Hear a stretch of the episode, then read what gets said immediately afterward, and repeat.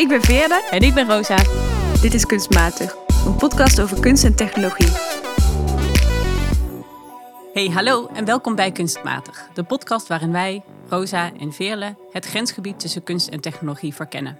Want hoe beïnvloeden technologieën hoe wij kunst ervaren? En welke kritische vragen stelt kunst aan technologie? Vandaag gaan we op onderzoek uit naar de relaties tussen zeespiegel en smartphone. Oftewel, we gaan het hebben over de klimaatcrisis en de rol die technologie daarin speelt. Ja, klimaat en technologie is niet de simpelste combinatie en de meest soepele combinatie. Uh, maar daarom volgens ons wel een belangrijke om bij stil te staan. Uh, technologie speelt e-, enerzijds, denk dat we dat allemaal wel weten, een heel belangrijke rol in het überhaupt berekenen, in kaart brengen, begrip uh, ontwikkelen van hoe ons klimaat aan het veranderen is. Uh, en hoe het in de toekomst zal veranderen op het moment dat we bepaalde dingen wel of niet veranderen.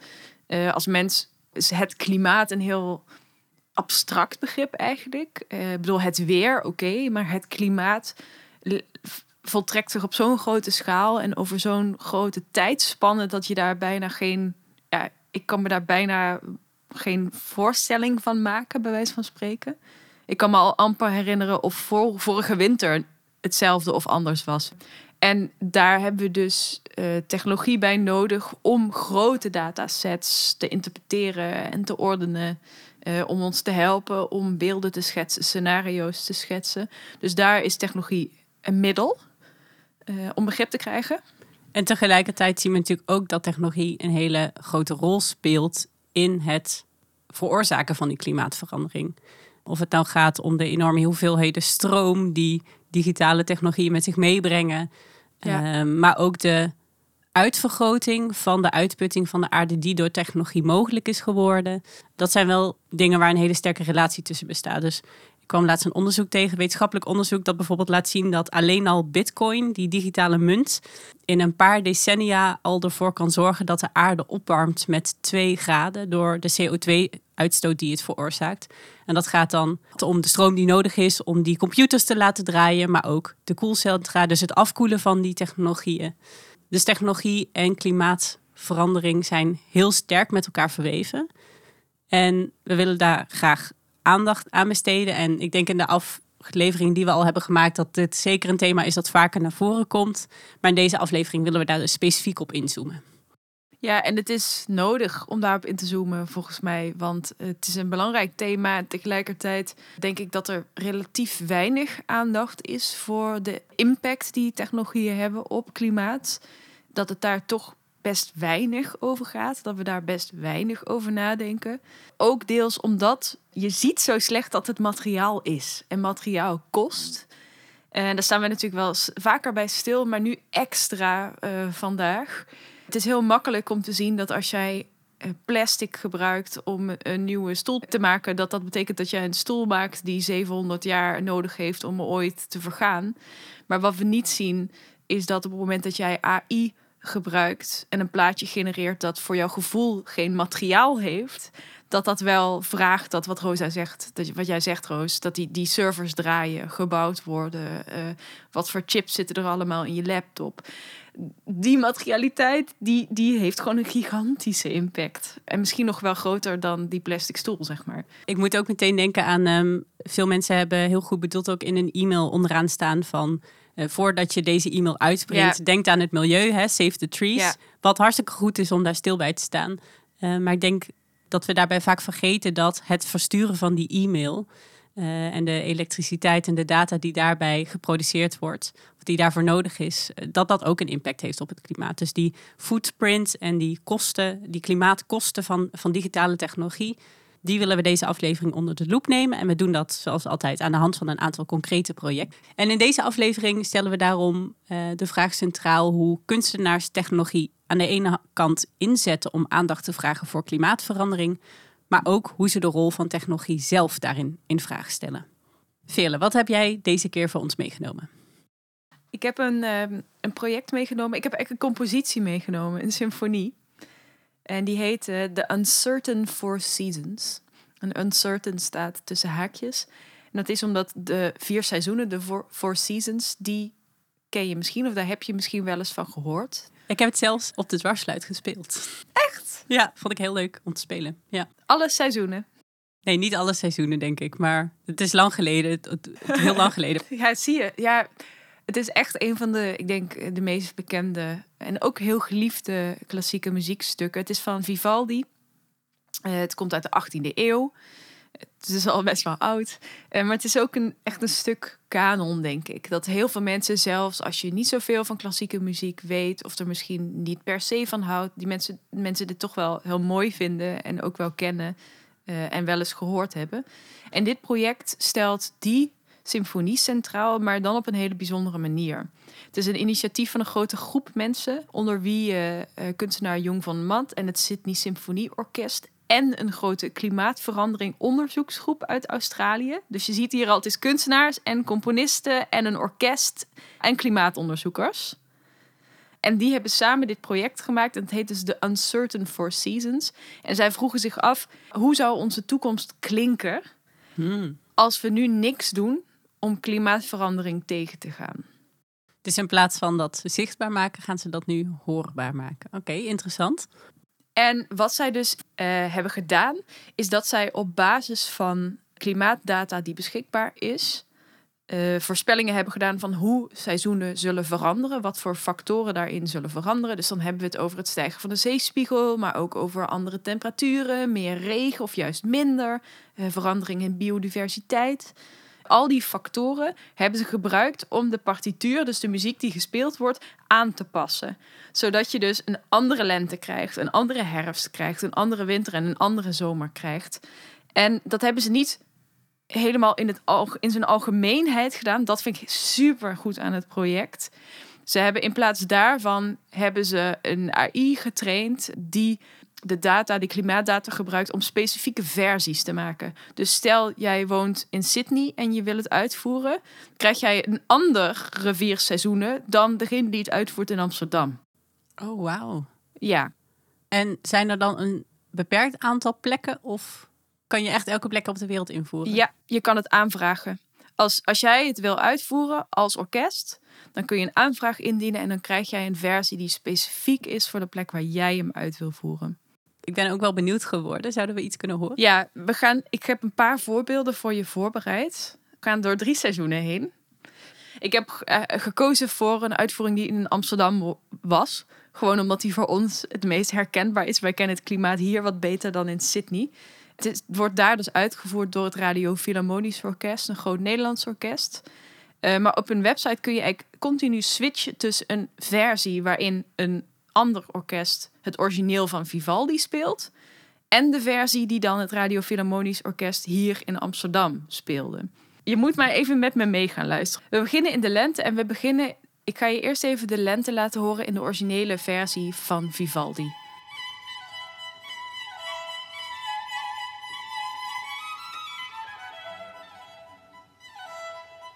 Echt lente. Ja, hè? Ja.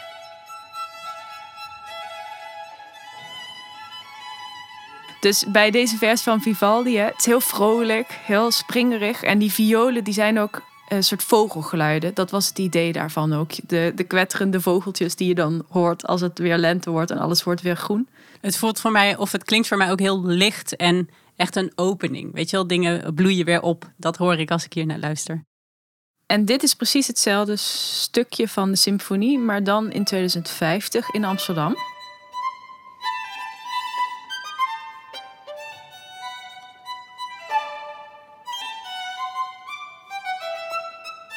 Dat klinkt een stuk meer mineur. Ja, je hoort eh, minder noten. Ja.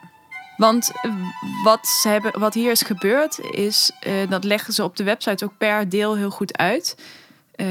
Ze hebben hier modellen gebruikt die laten zien hoe de veelheid aan soorten, aan diersoorten afneemt. Als we doorgaan zoals we nu, door, zoals we nu bezig zijn. Dat betekent dat er significant minder vogelsoorten in Nederland zullen zijn. Dus ze hebben letterlijk allemaal noten verwijderd. Eh, om aan te geven hoeveel procent zeg maar, minder vogels er zullen zijn. Dus het is proportioneel hè, met het uitsterven. Dat is één voorbeeld. Dan gaan we even naar de zomer.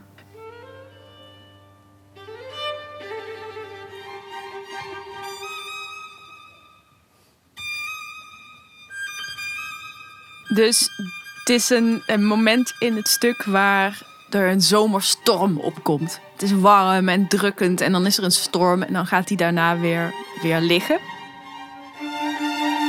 Ook iets wat we in Nederland absoluut herkennen. en dit is de zomer in 2050.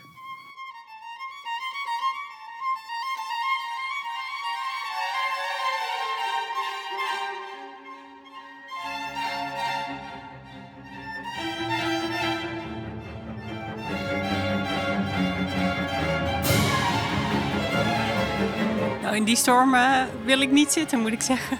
Nee, precies. Ontzettend beangstigend, ja. Ja, en wat hier dus is gebeurd, is dat ze het tempo van de muziek veel hoger hebben gemaakt. Omdat ze hebben hier dan eh, de modellen gebruikt van de KNMI. En de berekeningen van het KNMI zeggen dat als we hè, op deze voet verder gaan, dat de gemiddelde eh, luchttemperatuur in de Noordzee-regio, waar wij dus wonen met z'n allen, tot 2,7 graden warmer kan worden. Wat dus dan weer hè, hogere temperaturen, heftigere stormen en dergelijke veroorzaakt. Dus dat hebben ze hier proberen te ja, verklanken. En dan één laatste voorbeeld. Mhm. De herfst. Zo klinkt de herfst bij Vivaldi. Het wordt koeler, een zachte wind waait, misschien wat motregen, soms ook wat zon.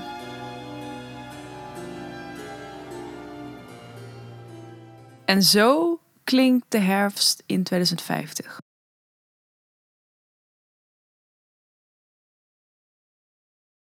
Het klopt dat je niks hoort. Dit gedeelte zit het orkest op het podium met de strijkstokken in de aanslag, maar ze spelen niks. Want dit gedeelte is gemodelleerd naar de stijging van de zeespiegel. En Amsterdam is ver onder de zeespiegel. Dat orkest zit onder water te spelen.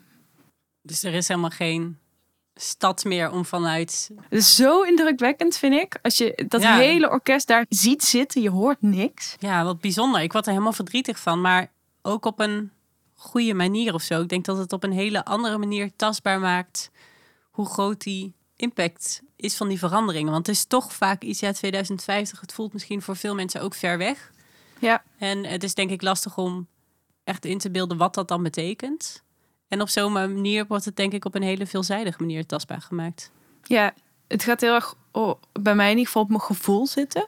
Ja, Terwijl het ook absoluut op berekeningen onderbouwde keuzes zijn die ze gemaakt hebben. Het project legt ook heel goed uit hè, hoe, ze, eh, hoe ze het hebben gedaan, van welke data ze gebruik maken, eh, welke factoren ze meerekenen, welke onderzoeksinstituten ze gebruiken in het keuze maken van welke modellen. Bijvoorbeeld het feit dat ze KNMI hebben. Hè. Dus het is continu een samenwerking tussen wetenschap en kunst. Eh, het is bijvoorbeeld ook zo dat bij alle concerten ook altijd een wetenschapper erbij is om te duiden wat mensen nou horen of gehoord hebben. En dat, bij dat concert in Nederland was dat bijvoorbeeld André Kuipers. Dus het is ook, ja, het is duidelijk dat het de bedoeling is om die impact te maken. Maar alleen een lezing van André Kuipers maakt volgens mij in ieder geval op mij persoonlijk een heel andere impact dan dit. Dan je beseffen dat dat orkest daar helemaal niet meer zit in 2050 als we zo doorgaan. Dat vind ik Ja. heel heftig. Wat ik ook bijzonder aan vind, is dat het project duidelijk veel kennis overbrengt. Ja. Ik leer er iets van. Ook als het gaat om die vogeltjes die in één keer zoveel minder worden. Ehm, dat is een, een, een cognitief inzicht. Maar in dit geval is de muziek en de compositie op geen manier een soort illustratie van wetenschappelijke kennis. Het gaat om veel meer dan dat. Het gaat echt om het vertalen en tastbaar maken en invoelbaar maken van wat dat betekent. In die zin is het interessant ook dat Vivaldi's originele compositie, die is natuurlijk nooit bedoeld om een soort poli- politiek punt te maken, maar die gaat wel ook, daar gaat wel ook een begrip van uit van hoe voelt het om in de lente te zitten of hoe voelt het om in de herfst te zitten. Daar zit ook sonnet, een sonnet bij dat dat heel mooi beschrijft. Dus heel poëtisch, maar het gaat wel over dat hele eigenlijk een soort menselijke kennis, een kennis die wij toch hebben van ons klimaat.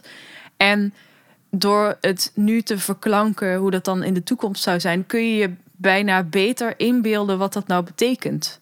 Omdat ik, wat jij zegt ook hè, bij, dat tweede, bij het tweede fragment uit de zomer. Ik voel ook meteen van, oeh, dat is een heel ander soort storm.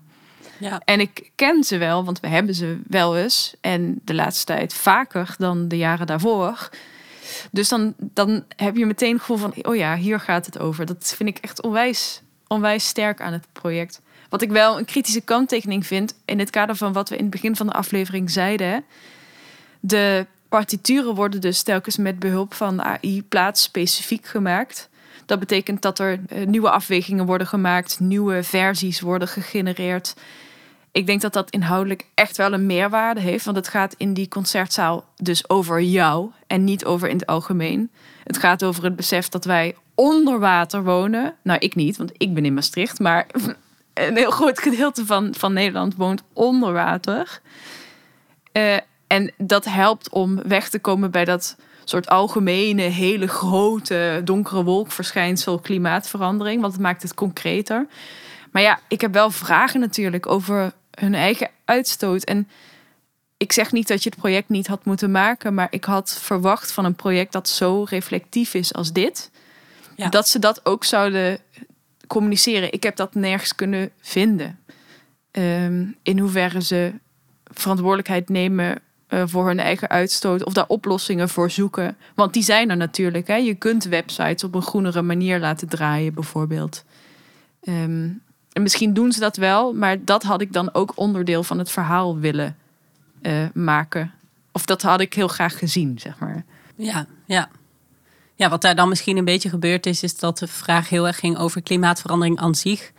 Eh, maar dat er wellicht wat voorbij is gegaan aan de rol die technologie daarin speelt. Precies, ja. Vele, deze Four Seasons, de nieuwe versie daarvan, eh, is het de kunst of is het matig? Het is absoluut kunst. Het is interessant omdat het ook een hercomponering is. Dus het is niet een nieuw stuk. Dus in zekere zin ben ik ook aan het zeggen dat Vivaldi's werk kunst is. Ehm, eh, wat een beetje flauw is. Ehm, maar ik vind het echt een heel interessant project. Eh, wat ik dus alleen matig vind is dat de reflectie op de rol van technologie gewoon geen plek heeft gekregen. Terwijl het project er wel over gaat. En wel heel groot op de homepage zegt dat ze werken met AI en algoritmes. En dan zou ik toch wat meer reflectie verwachten. Ja. Maar los daarvan, los daarvan vind ik wel dat ze die technologieën op een super gelaagde en interessante manier inzetten. Eh, waardoor het ook echt meerwaarde... Het heeft echt meerwaarde inhoudelijk om, om AI te gebruiken... omdat je die specifieke versies kunt maken. En dat Ja, is echt gimmick. fantastisch. Het is geen gimmick, het is geen grapje. Het heeft echt een meerwaarde, want de impact is groter van die compositie... omdat die afgestemd is op de plek waar die uitgevoerd wordt. En het is ook heel open. Als je hem wil spelen, dan kun je het aanvragen... en dan kun je dat gaan doen. Nou, als er mensen zijn die in een orkest spelen en luisteren, eh, wellicht de moeite waard om eens te kijken of je deze versie ook kunt uitproberen. Eh, Rosa, wat heb jij meegenomen? Ik heb een werk meegenomen uit 2014, dus al wat ouder. Het werk heet The Pursuit of Bling en het is van de oorspronkelijk Nigeriaanse kunstenaar Ottobang Nkanga. Het is een kunstenaar die ik al een tijd volg. Ik vind haar werk echt fantastisch. En ze woont trouwens nu in Antwerpen en eh, daar werkt ze ook, dus in België. Ottobang Nkanga heeft een groot oeuvre dat ook bestaat uit heel veel verschillende soorten kunstpraktijken. Dus ze werkt met beeldhouwen, poëzie, ze maakt video's en films, eh, ze tekent, ze schildert, eh, ze doet performances. En ik denk dat ze vooral ook veel bekend is om haar textielwerk. Dus ze heeft veel hele indrukwekkende borduurwerken gemaakt, ehm, wandtapijten, wandkleden, die denk ik op een hele mooie, bijzondere manier, dus dat materiaal, dat hele soms zachte van het textiel verweven met hele geometrische, geografische vormen en iets wat vaak gaat over technologie.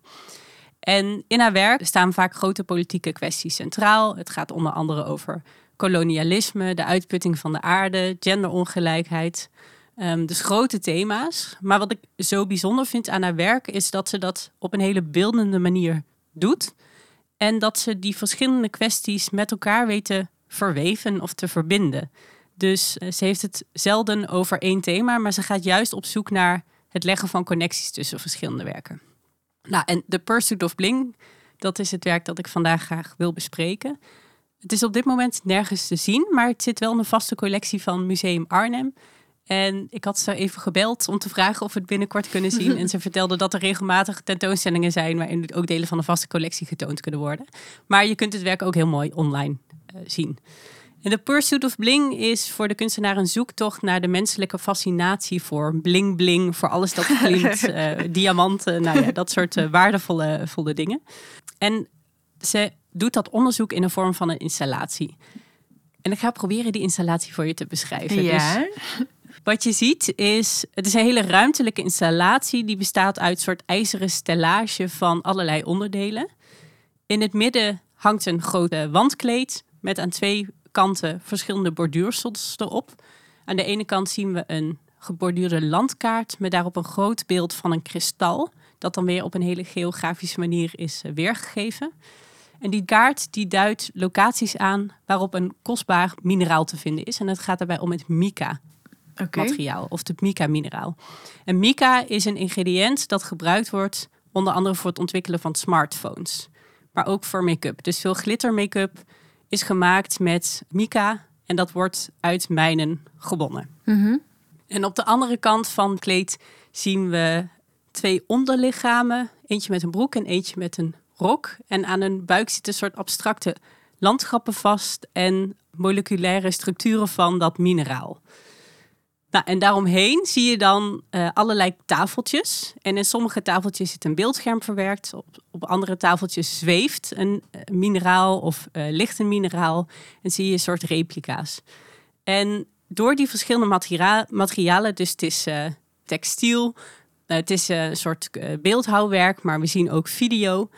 word je als het ware meegenomen in een heel onderzoek naar dat mica-materiaal en vooral de vraag hoe dat mica-materiaal uh, verweven is in geschiedenis van zowel kolonialisme als klimaatverandering en de uitputting van de aarde. Jeetje. Hele grote, Ja. hele grote eh, vragen en hele complexe issues. Maar ik denk wel dat het is een, ja, het is een heel intrigerend mooi werk. Er gebeurt heel veel. En je bent, denk ik, te- als ik het zie, ben ik in eerste instantie vooral geïnteresseerd in het bijeenbrengen van die puzzelstukjes. Je ziet allerlei puzzelstukjes, je weet nog niet precies waar het over gaat. En hoe verder je in het werk verdiept en aandacht hebt voor al die verschillende onderdelen, hoe meer je daarachter komt hoe zij met elkaar verweven zijn, hoe ze met elkaar te maken hebben.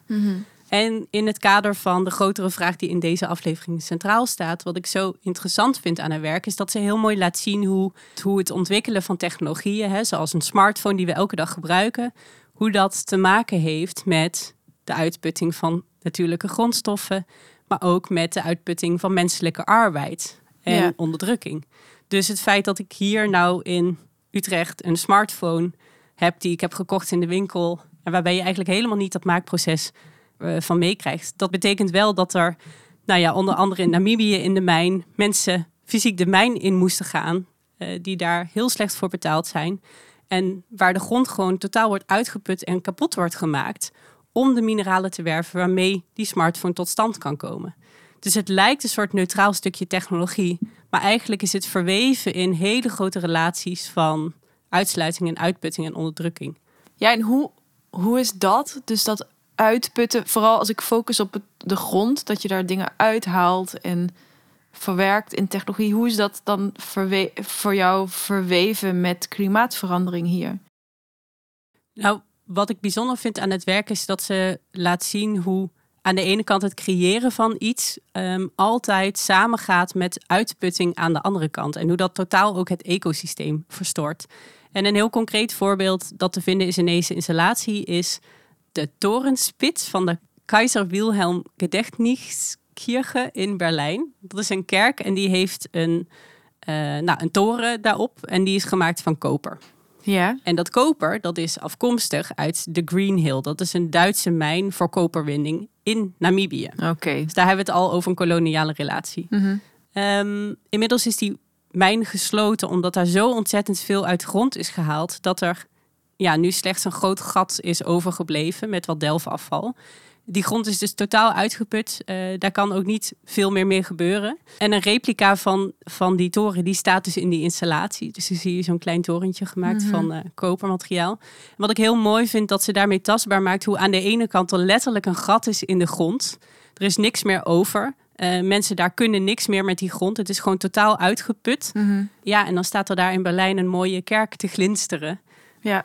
En door dat zo fysiek te maken, vind ik dat ze heel mooi tastbaar maakt hoe ook ideeën over vooruitgang of schoonheid of het creëren ten koste gaan van het milieu, ten koste gaan van de wereld om ons heen. Uh, en hoe die delving van grondstoffen gewoon iets is waar we heel kritisch op moeten zijn. Maar het is gewoon iets wat heel vaak, denk ik, zeker als je in, het, in een westerse context leeft, wat gewoon totaal aan je gezichtsveld wordt ontrokken. Um, we zien alleen die dure telefoon die je koopt en wat het doet, maar we zien totaal niet um, wat het met die natuur doet. Of we sluiten onze ogen er denk ik ook wel voor. Maar dit is ook een werk dat je uitdaagt om best wel kritische vragen te stellen over kunst en wat kunst is. Want wat ik je ook hoor zeggen is dat in zekere zin uh, een kanga ook uh, kritisch is op wat het betekent om iets nieuws te creëren. Dus om, of het nou een smartphone is of een mooie blush of oogschaduw, mm. uh, dat het betekent dat je hoe dan ook uh, materialen gebruikt uh, die ergens anders vandaan moeten komen en dat er vaak niet zo goed nagedacht worden over waar die dan vandaan komen. Of inderdaad dat we onze ogen daarvoor sluiten. Maar dat geldt natuurlijk ook heel erg voor kunstenaars die maken aan de lopende band, kunstenaars, ontwerpers maken aan de lopende band nieuwe dingen. Nu weet ik dat dat wel een punt van discussie is. Over van ja, hoe doe je dat dan? En hoe kun je werken met materialen die niet uh, uh, zowel de wereld uitbuiten, bijvoorbeeld, of andere mensen, maar ook gewoon de aarde. Want daar hebben we het vandaag over in deze aflevering. Dat is best wel een puzzel. Ik, ik, hoe, hoe, gaat zij, hoe gaat zij daar zelf mee om? Weet jij dat?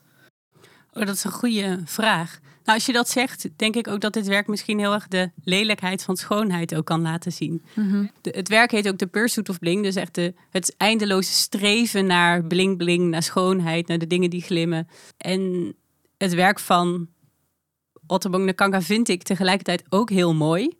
Mm-hmm. Maar het is juist door die schoonheid dat ik er dus toe word aangetrokken. En vervolgens uh, word ik daardoor meegenomen um, in een verhaal wat eigenlijk heel gruwelijk is. Ja. En dat vind ik er heel knap aan. Dat ze voor, voortdurend laat zien hoe die dingen met elkaar verweven zijn. Dat vind ik echt heel erg interessant. Want dat zet je aan het nadenken over dat esthetiek, iets moois maken, iets van schoonheid maken, ook heel erg twee kanten heeft. Dus aan de ene kant is het heel gevaarlijk, omdat het betekent dat je over andere normen en waarden heen kan stappen als het gaat over uh, hoe je met de wereld om je heen, heen gaat, omdat je nou eenmaal zo graag mooie dingen maakt. Ik geef les op een kunstacademie, ik herken dat ook bij studenten. Dat is een struggle. Soms wil je gewoon de mooiste keuze maken. Dus dat is ook een soort vergiftigd iets. Maar aan de andere kant is die schoonheid een manier om een verhaal te vertellen, om mensen dichterbij te lokken. In zekere zin gebeurt dat bij die symfonie natuurlijk ook, die ik net besprak. Ja, ja dat is echt heel mooi. Ja, die relatie staat tussen, denk ik, dat het werk op een hele mooie manier blootlegt. En vooral ook door daarbij het uh, fysieke met het technologische te verweven. Dus Ja. de kunstenaar maakt van die verschillende maakpraktijken gebruik en brengt die samen in een hele bijzondere installatie. Ja, je bent eigenlijk al mee bezig hè, met kunststofmatig. Maar doe hem maar, doe hem maar officieel ook. Nou, officieel vind ik dit echt kunst. Ik vind het een ontzettend bijzonder werk. ehm, waarin ook veel dingen die Nkanga al langer doet samenkomen. Dus het is echt een eh, soort gezamtkunstwerk, een heel groot kunstwerk. En wat ik ook nog dacht, of waarom ik het zo speciaal vind, het werk is niet in één oogopslag te begrijpen. Je Ja. moet er echt langere tijd naar kijken en al die verschillende facetten aandacht aan geven om het grotere verhaal te snappen en om je in dat onderzoek te verdiepen. En voor mij staat dat zo symbool voor wat ook nodig is als het gaat over klimaat.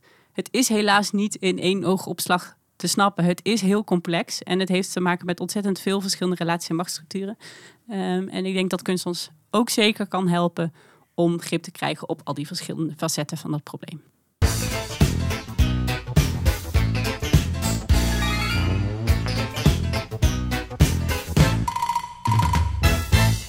De gekke gadget deze aflevering eh, is echt een gadget. Het is het project You Can't Say You Went to Belgium to Find Yourself van uh, Florian van Zandwijk, Eva uh, Slegers en Jesper Spekenbrink. En het is een um, tool die je zelf op je telefoon kunt doen. Waardoor je niet meer echt weg hoeft, maar toch de suggestie kunt wekken dat je jezelf bent gaan zoeken in, uh, nou zeg eens wat, Indonesië bijvoorbeeld. Het is een commentaar op social media. Het idee dat je continu moet laten zien dat je toffe dingen aan het doen bent. Dat je verre reizen aan het maken bent. Dat je een geweldig en spectaculair leven hebt. En uh, daar steekt het de draak mee. Ja, en wat het concreet inhoudt, je hebt dus die, die toolkit, de Phony Toolkit. En die kun je met een wasknijper aan je telefoon vastmaken. En dan is er een soort Lego-achtig vliegtuigarmpje. Uh, en een rondje, waardoor het lijkt alsof je, als je een foto maakt, die maakt vanuit het vliegtuig. een soort cliché wat we vaak zien op social media. Het deed me ook trouwens heel erg denken aan de corona-context waarin mensen maar met zo'n wc-bril zo'n foto gingen maken om ook te doen alsof ze op reis waren. ja. Dus het is een uh, opzetstuk en het is natuurlijk een uh, heel humoristisch project, wat vervolgens ook, denk ik, interessante vragen oproept over ja, de, de impact van maar de hele tijd dat soort verre reizen maken. Dus we dachten in de context van deze aflevering, is dit een interessante gadget. Want het is natuurlijk een stuk beter voor het klimaat dan echt het vliegtuig pakken. Ja, en tegelijkertijd kunnen we natuurlijk ons ook afvragen of het überhaupt slim is om vliegen te promoten. Ik denk het niet. Maar als je het echt niet kunt laten, ga dan even naar de website van deze kunstenaar. Op een sokkeltje. In de rubriek Op een sokkeltje plaatsen we elke keer een kunstenaar of een kunstwerk op een sokkeltje waarvan we vinden dat hij een bijzonder werk heeft gemaakt of waarvan we vinden dat hij wat extra aandacht verdient. En deze keer is dat de Nederlandse kunstenaar Roosje Verschoor met haar project The Weather Forecast. The Weather Forecast is een uh, installatiewerk met audio en video.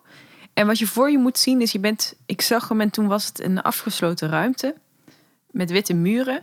En aan de ene kant van de ruimte was over de hele hoogte en breedte van de muur een video te zien die opgedeeld was in allemaal kleine schermpjes. Alsof je naar een muur kijkt waar, weet ik veel, 25 tv's aanstaan. Maar die staan allemaal op een andere zender.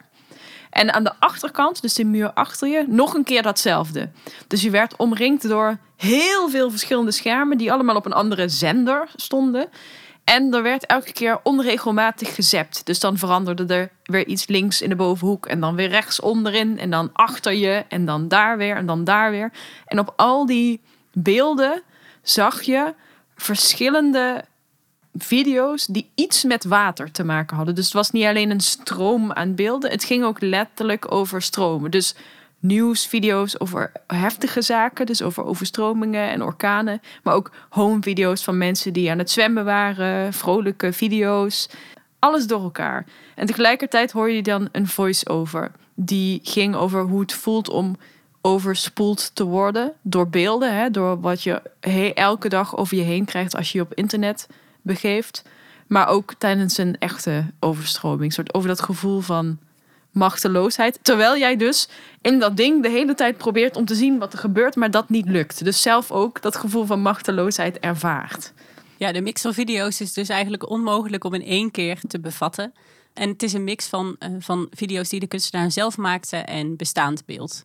Dus zoals Veerle al zei, uh, we zien overstromingen, maar we zien ook demonstranten die met een waterkanon worden beschoten. Erg actueel ook weer binnen de context van uh, Extinction Rebellion bezettingen mm -hmm. van de van de snelweg. Maar ook, wat ik op de een of andere manier een heel schrijnend beeld vond, was een, uh, een cruise ship met daarop een zwembad. Ja. En zoals je misschien al kunt horen aan die verschillende type beelden, zoekt het werk heel erg de contrasten op. Dus waar we aan de ene kant de machteloosheid ook gerepresenteerd zien in beeld, uh, door overstromingen, maar ook door mensen die via bootjes uh, proberen te vluchten, um, zien we aan de andere kant hoe water in sommige contexten juist heel erg beheerst wordt, gecontroleerd wordt. En hoe daar ontzettend veel geld voor nodig is om dat te doen. Dus het zijn de mensen op de cruise die lekker kunnen genieten van het zwembad. En tegelijkertijd zie je daarnaast hoe mensen totaal onverwacht overspoeld worden door het water. En daar eigenlijk weinig nog tegen kunnen doen. Ja, dus het werk gaat denk ik over enerzijds over de dreiging die uitgaat van samenleven met water, wat wij doen overal ter wereld. Maar ook over hoe klimaatverandering daar een impact op heeft. Hè? Waar we het ook al eerder over hadden, over het stijgen van de zeespiegel, over het vluchten van mensen, over wat het, de verwoestende kracht van een rivier als die buiten zijn oevers treedt, eh, door de regenval die toeneemt. Maar het gaat ook over de machtsrelaties die daarmee te maken hebben. Dus het gaat erover wie heeft de financiële middelen om zich te beschermen tegen klimaatverandering. Voor wie is klimaatverandering een probleem waarvoor ze eh, een bredere dijk kunnen bouwen? En voor wie niet? Voor wie is dat geen optie? Het, laat die, het wekt die suggestie. Het werk spelt dit niet uit, maar het zet je daarover aan het denken. Tenminste, dat deed het bij mij althans. Het is heel pijnlijk eigenlijk om je dan te realiseren van jeetje. Uh, voor sommige mensen is het veel moeilijker om zich te beschermen tegen het water. Of die zijn niet zo goed verzekerd uh, als dat sommige van ons dat wel kunnen zijn. Ja, en tegelijkertijd zet het werk mij ook aan het denken over die mondiale verhoudingen. Ja. Wat betekent het nou dat wij hier maar blijven uitstoten? Dat heeft op andere plekken in de wereld nu al ontzettend veel effect. Zorgt ervoor dat er orkanen en stormen en overstromingen zijn. Dat vond ik er heel bijzonder aan. En ik herken dat gevoel van machteloosheid ook heel erg als ik bijvoorbeeld kijk naar social media. Maar daarbij ook die gekke balans tussen dat je soms hele vrolijke filmpjes ziet en dan zie je weer iets verschrikkelijks en dan zie je weer iets grappigs en dan uh, zie je totale gruweldaden. En ik denk dat het werk door die overvloed aan informatie en de korte duur van de filmpjes ook laat voelen wat het betekent dat er eigenlijk zo weinig ruimte is om die beelden soms op je te laten indringen, om het echt te mhm. laten inzinken. Want uh, je kan heel geraakt worden door iets wat je ziet en vervolgens komt er dan alweer iets anders. Dus je hebt helemaal niet de tijd om dat echt te doorvoelen. Dus ook die machteloosheid die daarin bestaat, uh, maakt het werk denk ik op een hele mooie manier zichtbaar. Ja, dus het, het gebruikt bijna dat gevoel dat we inmiddels heel goed kennen door social media, door ons technologiegebruik. Dat gevoel van we de hele tijd moeten switchen tussen extreem veel beelden en extreem veel informatie. En ook het, ik denk, het groeiende, nou, de groeiende realiteit dat we inderdaad niet stilstaan bij wat we allemaal tot ons nemen. Dat die soort, ja, daar zit ook een soort achterloosheid in, zeg maar. Dat je gewoon doorscrollt naar de home video nadat je een verschrikkelijke overstromingsvideo hebt gezien. Of door, doorscrollt naar een meme. Daar zit een soort achterloosheid in die je je wel of niet kunt veroorloven. En dat laat het werkje voelen, zeg maar. Van wat betekent het dat ik me dat kan veroorloven en wanneer kan ik dat misschien ook niet meer? En het is dan heel treffend dat het ook specifiek gaat over water en over die stijging van de zeespiegel. Want dat is typisch zo'n onderwerp waarvan we allemaal wel denken: ja, ja, ja, dat is inderdaad erg. En dan scroll ik weer door. Dus hier weer denk ik, als ik even terug uit ga zoomen, hè, dit werk weer dat vind ik echt wel heel opvallend. Zet kunst in, zet een installatie in om een bepaald gevoel over te brengen. Waardoor je er in kunt gaan zitten. Waardoor je er een tijdje mee door kunt brengen. Waardoor je dingen die je misschien cognitief uh, in je hoofd wel weet, lichamelijk voelt.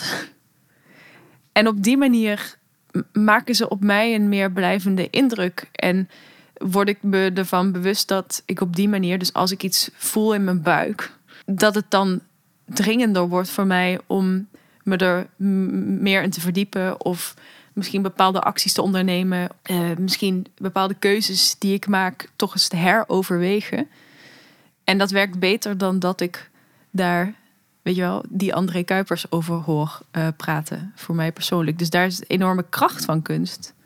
Ja, dat idee heb ik ook. Volgens mij laten alle projecten zien hoe belangrijk kunst en cultuur zijn in het ontwikkelen van veel meer begrip en bewustzijn als het gaat om de klimaatcrisis. En ook als het gaat om de rol van technologie daarin. We hebben het gehad over smartphones en die mineralen die daarvoor nodig zijn. En dit werk gaat onder andere over social media. En tegelijkertijd maken de kunstenaars ook wel weer gebruik van de technologie om dat te doen. Mhm. Daarmee zien we ook dat kunstenaars natuurlijk niet een soort Ehm, niet buiten de maatschappij staan. Ze nemen niet een soort onschuldige rol in natuurlijk. Uh, ze zijn daar zelf ook mee verweven. Ja. En ja, daar komt ook dus de, denk ik een belangrijke opdracht of een belangrijke vraag mee naar voren. Van hoe verhoud je je als kunstenaar daartoe? En ik denk dat er wel steeds meer een noodzaak is om daar ook op te reflecteren in je artistieke praktijk. Ja, en wij zijn daar natuurlijk ook onderdeel van. Dus bijvoorbeeld, eh, als je een podcast van 30 MB downloadt, dan kost dat ongeveer 1,28 gram aan CO2-uitstoot. Onze podcasts zijn wat groter dan 30 MB. Uh, dus dan kun je gaan rekenen hoeveel dat is en hoe dat in verhouding staat tot wat je ervoor terugkrijgt aan reflectie. Ik heb daar geen antwoord op. Hè. Um, daar, volgens mij is dat ook niet helemaal het punt dat waar deze aflevering op, op neerkomt. Hè? Dat we overal een antwoord op moeten hebben. Of dat we maar met z'n allen niks meer moeten doen en in een hutje op de hei gaan wonen. Want dat gaat het ook niet oplossen. Maar die bewustwording, die is wel belangrijk. En misschien is dat dan toch ook wel een teken van misschien af en toe niet muziek streamen op Spotify of een podcast streamen op Spotify s'avonds, maar ook eens een keer je CD opzetten of je LP. Want dat is ook bijvoorbeeld veel uh, neutraler als je ze al hebt. Je moet niet nieuwe gaan kopen, hè? maar. ja, dat, dat is de oplossing niet, maar wel om aan te geven dat ja, het is belangrijk om daarover na te denken en over stil te staan. Dat wat jij doet ook een impact heeft. Uh, en waar je er rekening mee kan houden. Nou ja, rekening houden met de keuzes die je, die je maakt. En of ze in verhouding staan tot wat je, wat je ervoor uh, gebruikt. Zeg maar, van de aarde bedoel ik dan. Ja. Ik weet niet of dit nou een hoopvol einde is of niet. Maar misschien hoeft het ook niet altijd hoopvol te zijn. Volgens mij zitten er ook gewoon projecten in, in deze aflevering. die wel degelijk laten zien dat in ieder geval de kunst een hele belangrijke bijdrage kan leveren aan de wereld. En dat is belangrijk, of dat vind ik in ieder geval super belangrijk om te onderstrepen en om uit te dragen. Uh, het is niet alleen maar mooi en ten koste van alles, maar het is juist mooi als middel om ons aan het denken te zetten en ons te laten voelen wat de complexiteit van de wereld is. Uh, dus ja, dat, dat is ook wel hoopvol, denk ik, dat dat gemaakt en gedaan wordt. Ja, daar sluit ik me helemaal bij aan. Als er geen kunst meer zou zijn, dan zou ik echt alle hoop verliezen. Dus laten we ons daaraan vastklampen. We gaan er even tussenuit voor de kerstvakantie, maar we zijn, als het goed is, weer terug in februari. Doei! Doei!